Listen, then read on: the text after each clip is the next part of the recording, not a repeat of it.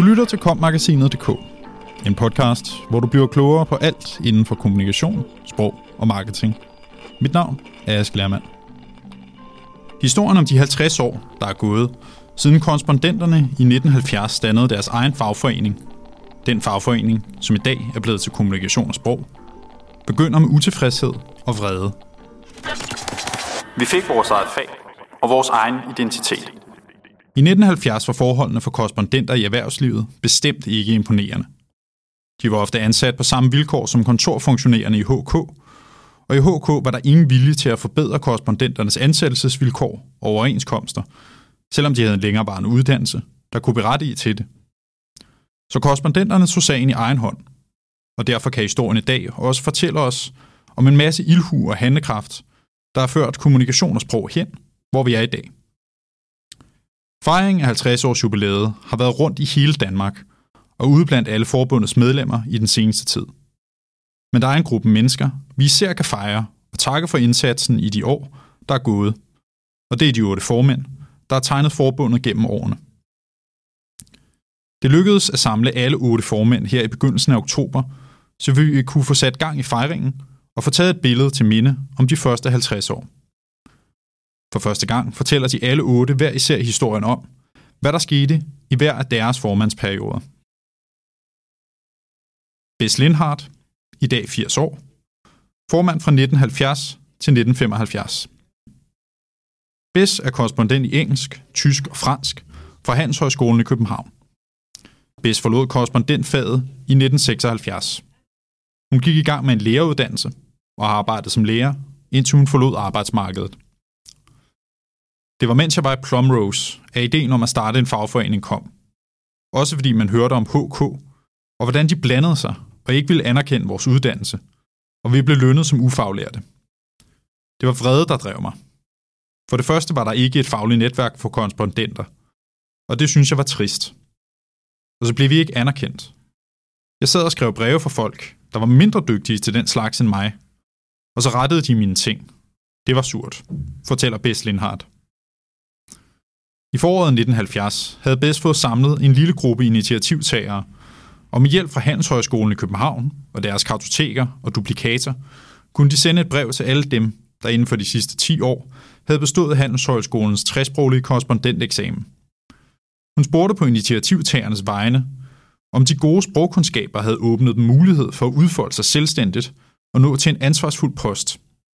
Eller har de, som de fleste af os, måtte erkende, at deres muligheder i sørgelig grad begrænses af et traditionsbundet system, hvor vi på forhånd sættes i bås, uden hensyn til uddannelse og kvalifikationer.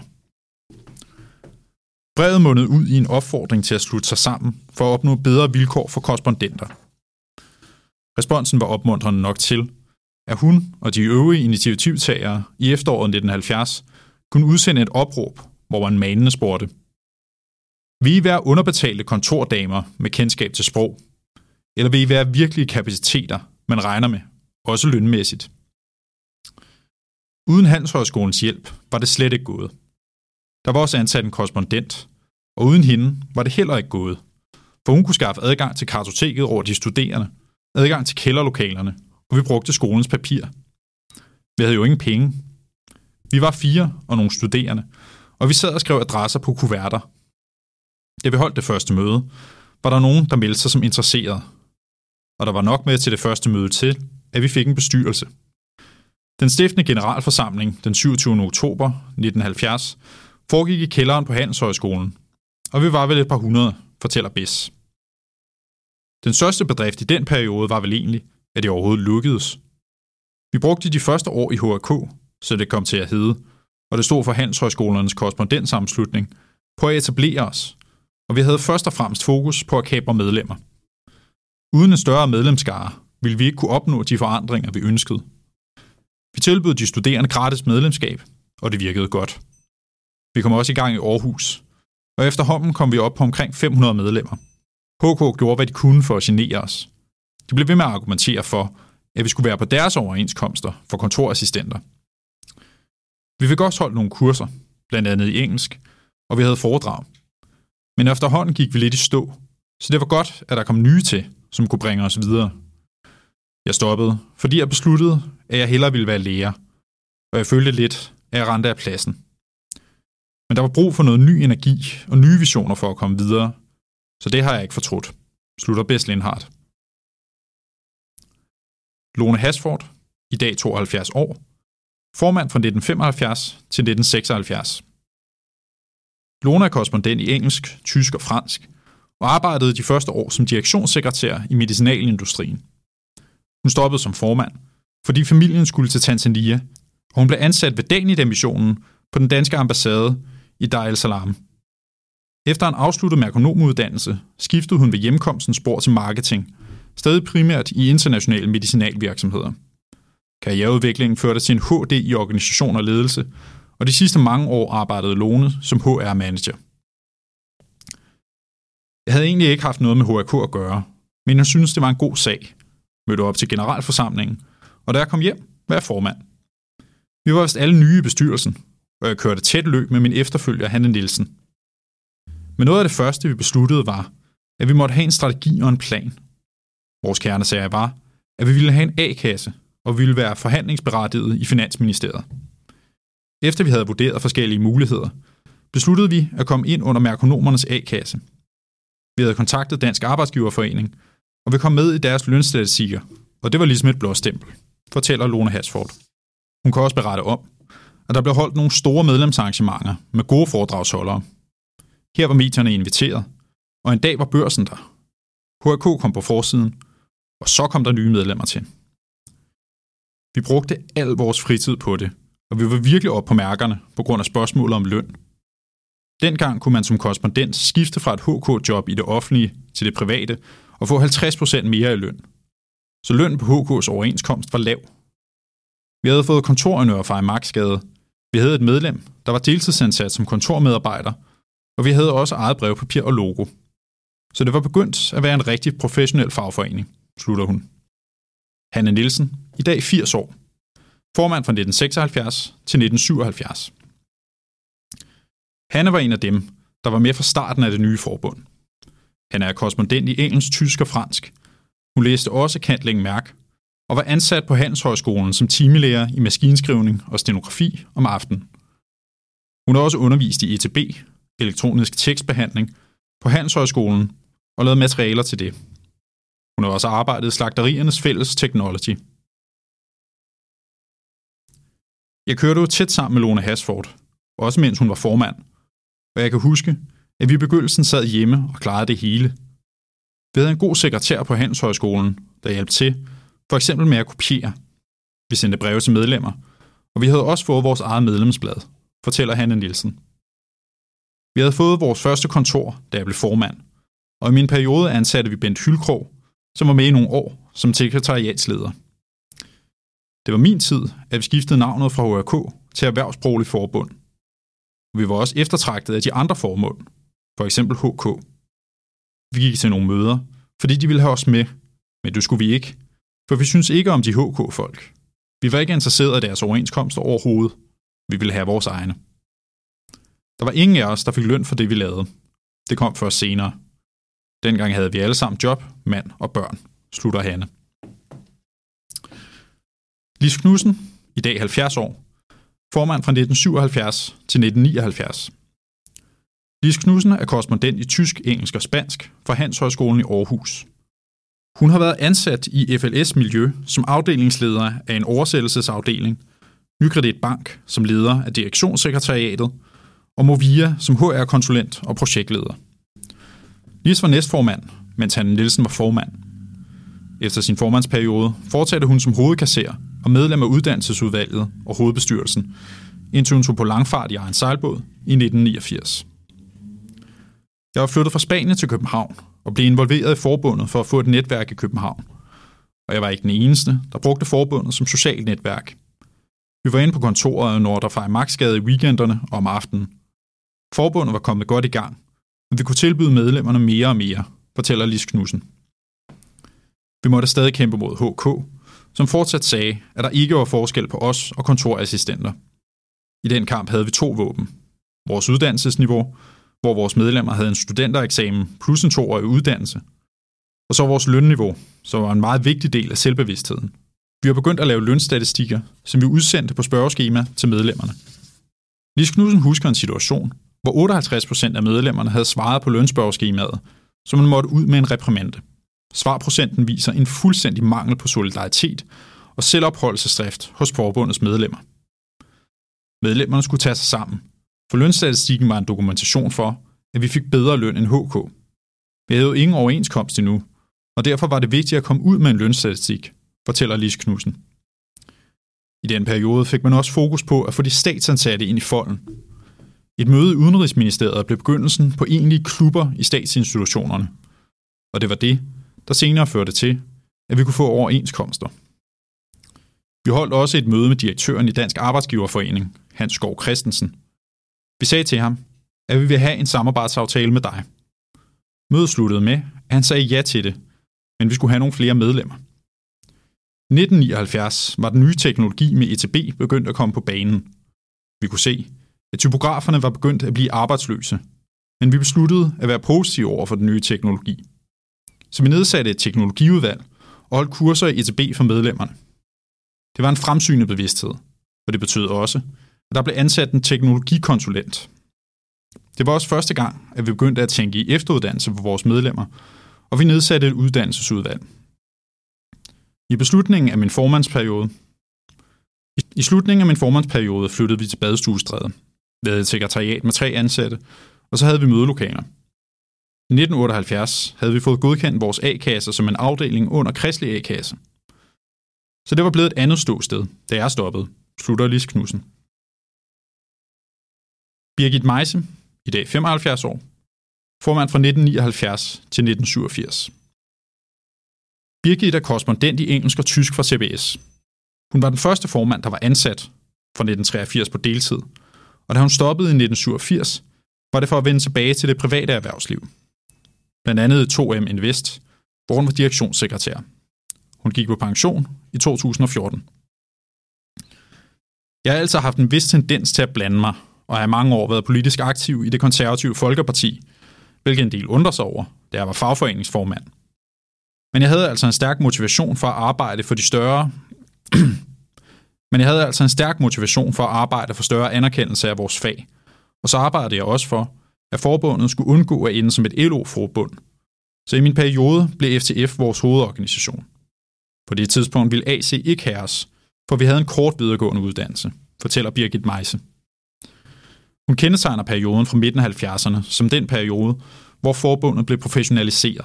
Fra frivillige, der arbejdede om aftenen, til en rigtig organisation. I perioden fra 1979 til 1987 voksede vi fra 1300 medlemmer til 8000.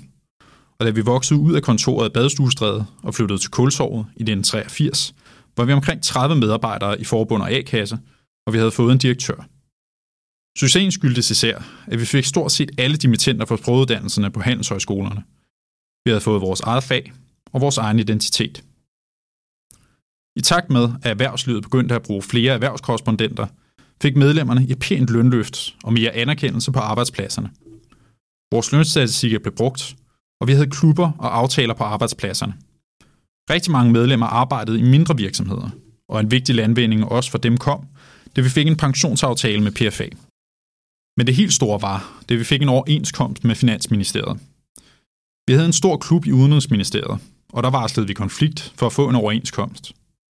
Sagen kom i arbejdsretten, hvor vi vandt, og efter lidt vanskeligheder fik vi vores overenskomst. Hvis ikke vi havde brugt vores politiske kontakter på Christiansborg, tror jeg ikke, at det var lykkedes, slutter Birgit Meise. Jeanette Ørsted, i dag 67 år, formand fra 1987 til 1999. Jeanette er kantling mærk i fransk og engelsk og har en master i Public Administration. Hun er en af de aktive i forbundet allerede fra 1978, både i forretningsudvalget, hovedbestyrelsen og som hovedkasserer. Da hun stoppede som formand i 1999, fordi man ikke skal blive for længe, blev en partner af Oversætterhuset, og hun har også været direktør i den internationale oversættelsesvirksomhed FIT. Forbundet var inde i en god gænge, da jeg blev formand. Vi var i FTF og var glade for det.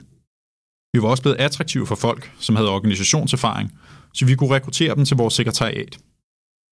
Samtidig skete der noget på uddannelserne, hvor man var begyndt at omkalfatre fra bachelor til masteruddannelser. Og vi kunne se, at det ville være en god idé at opkvalificere vores uddannelser til kandidatniveau. Så vi kaster os ind i kampen for det. Handelshøjskolen oprettede en tillægsuddannelse, så de medlemmer, der ikke havde en bachelor, kunne få det, og på den måde blev vi attraktive for AC, hvor vi blev optaget i 1993. Vi kunne nemlig ikke både sige, at vi ville være akademikere og akademisere bachelor, og samtidig blive FTF, fortæller Jeanette Ørsted. På det tidspunkt nedsatte man det såkaldte Stibe Carlsen-udvalg, som skulle helhedsvurdere de handelsmæssige og økonomiske uddannelser. Der blev vi inviteret med ind, og på den måde kunne vi være med til at formulere ønsket om at opkvalificere vores uddannelser.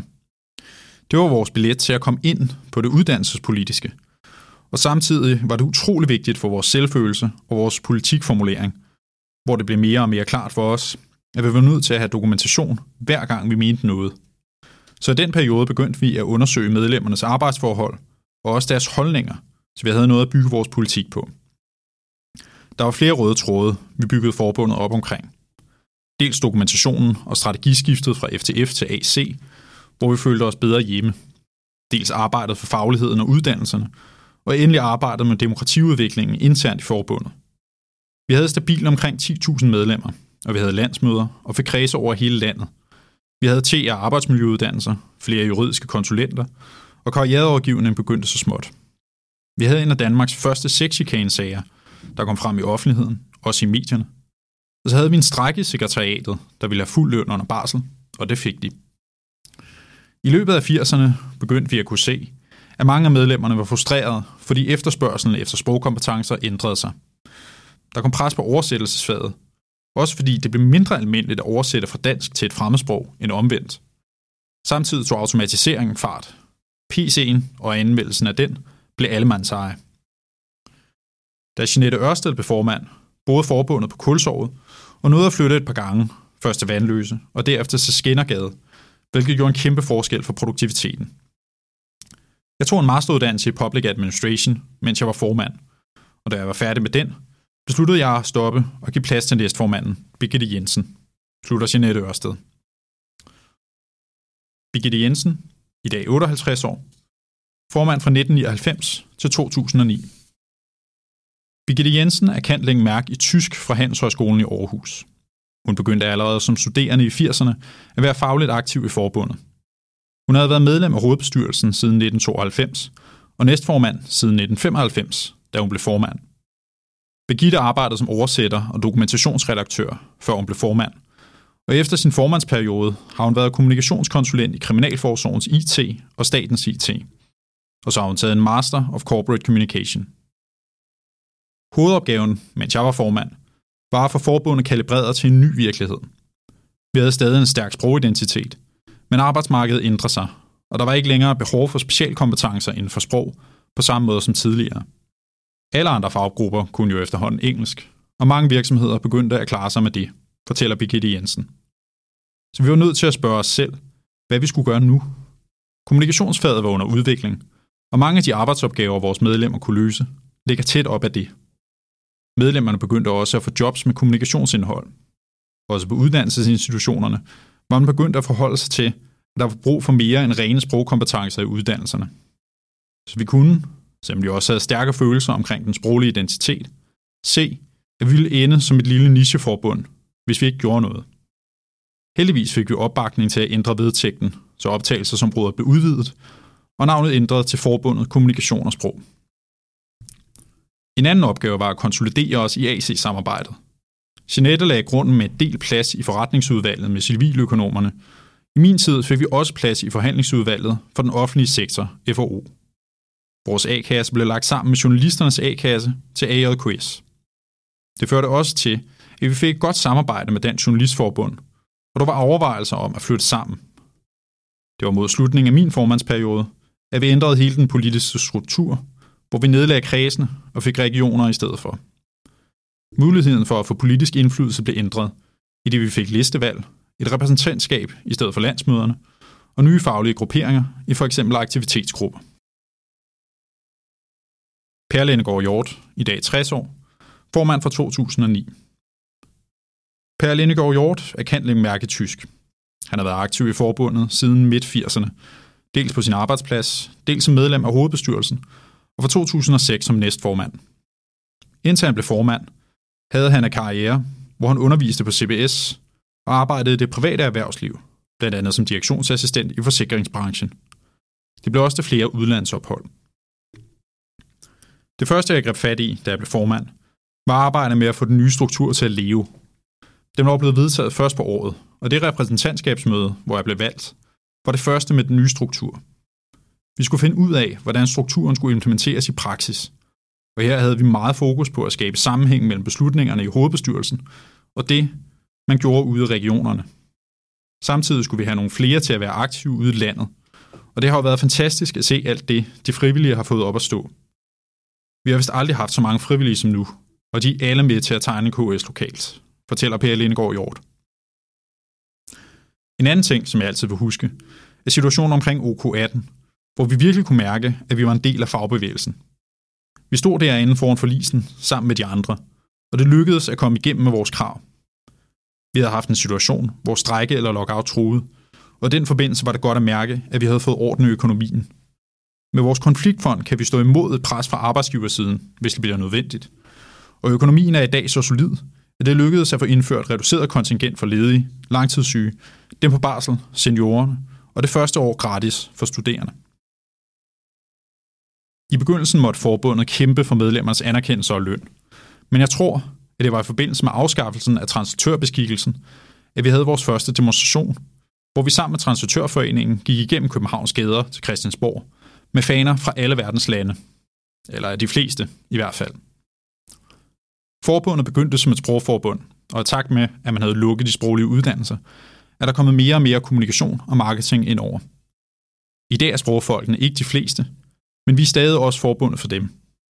Vi bevæger os mellem kommunikation, sprog og marketing, og jo mere fagene udvikler sig, jo mere kan jeg se, hvor mange ligheder der er mellem dem.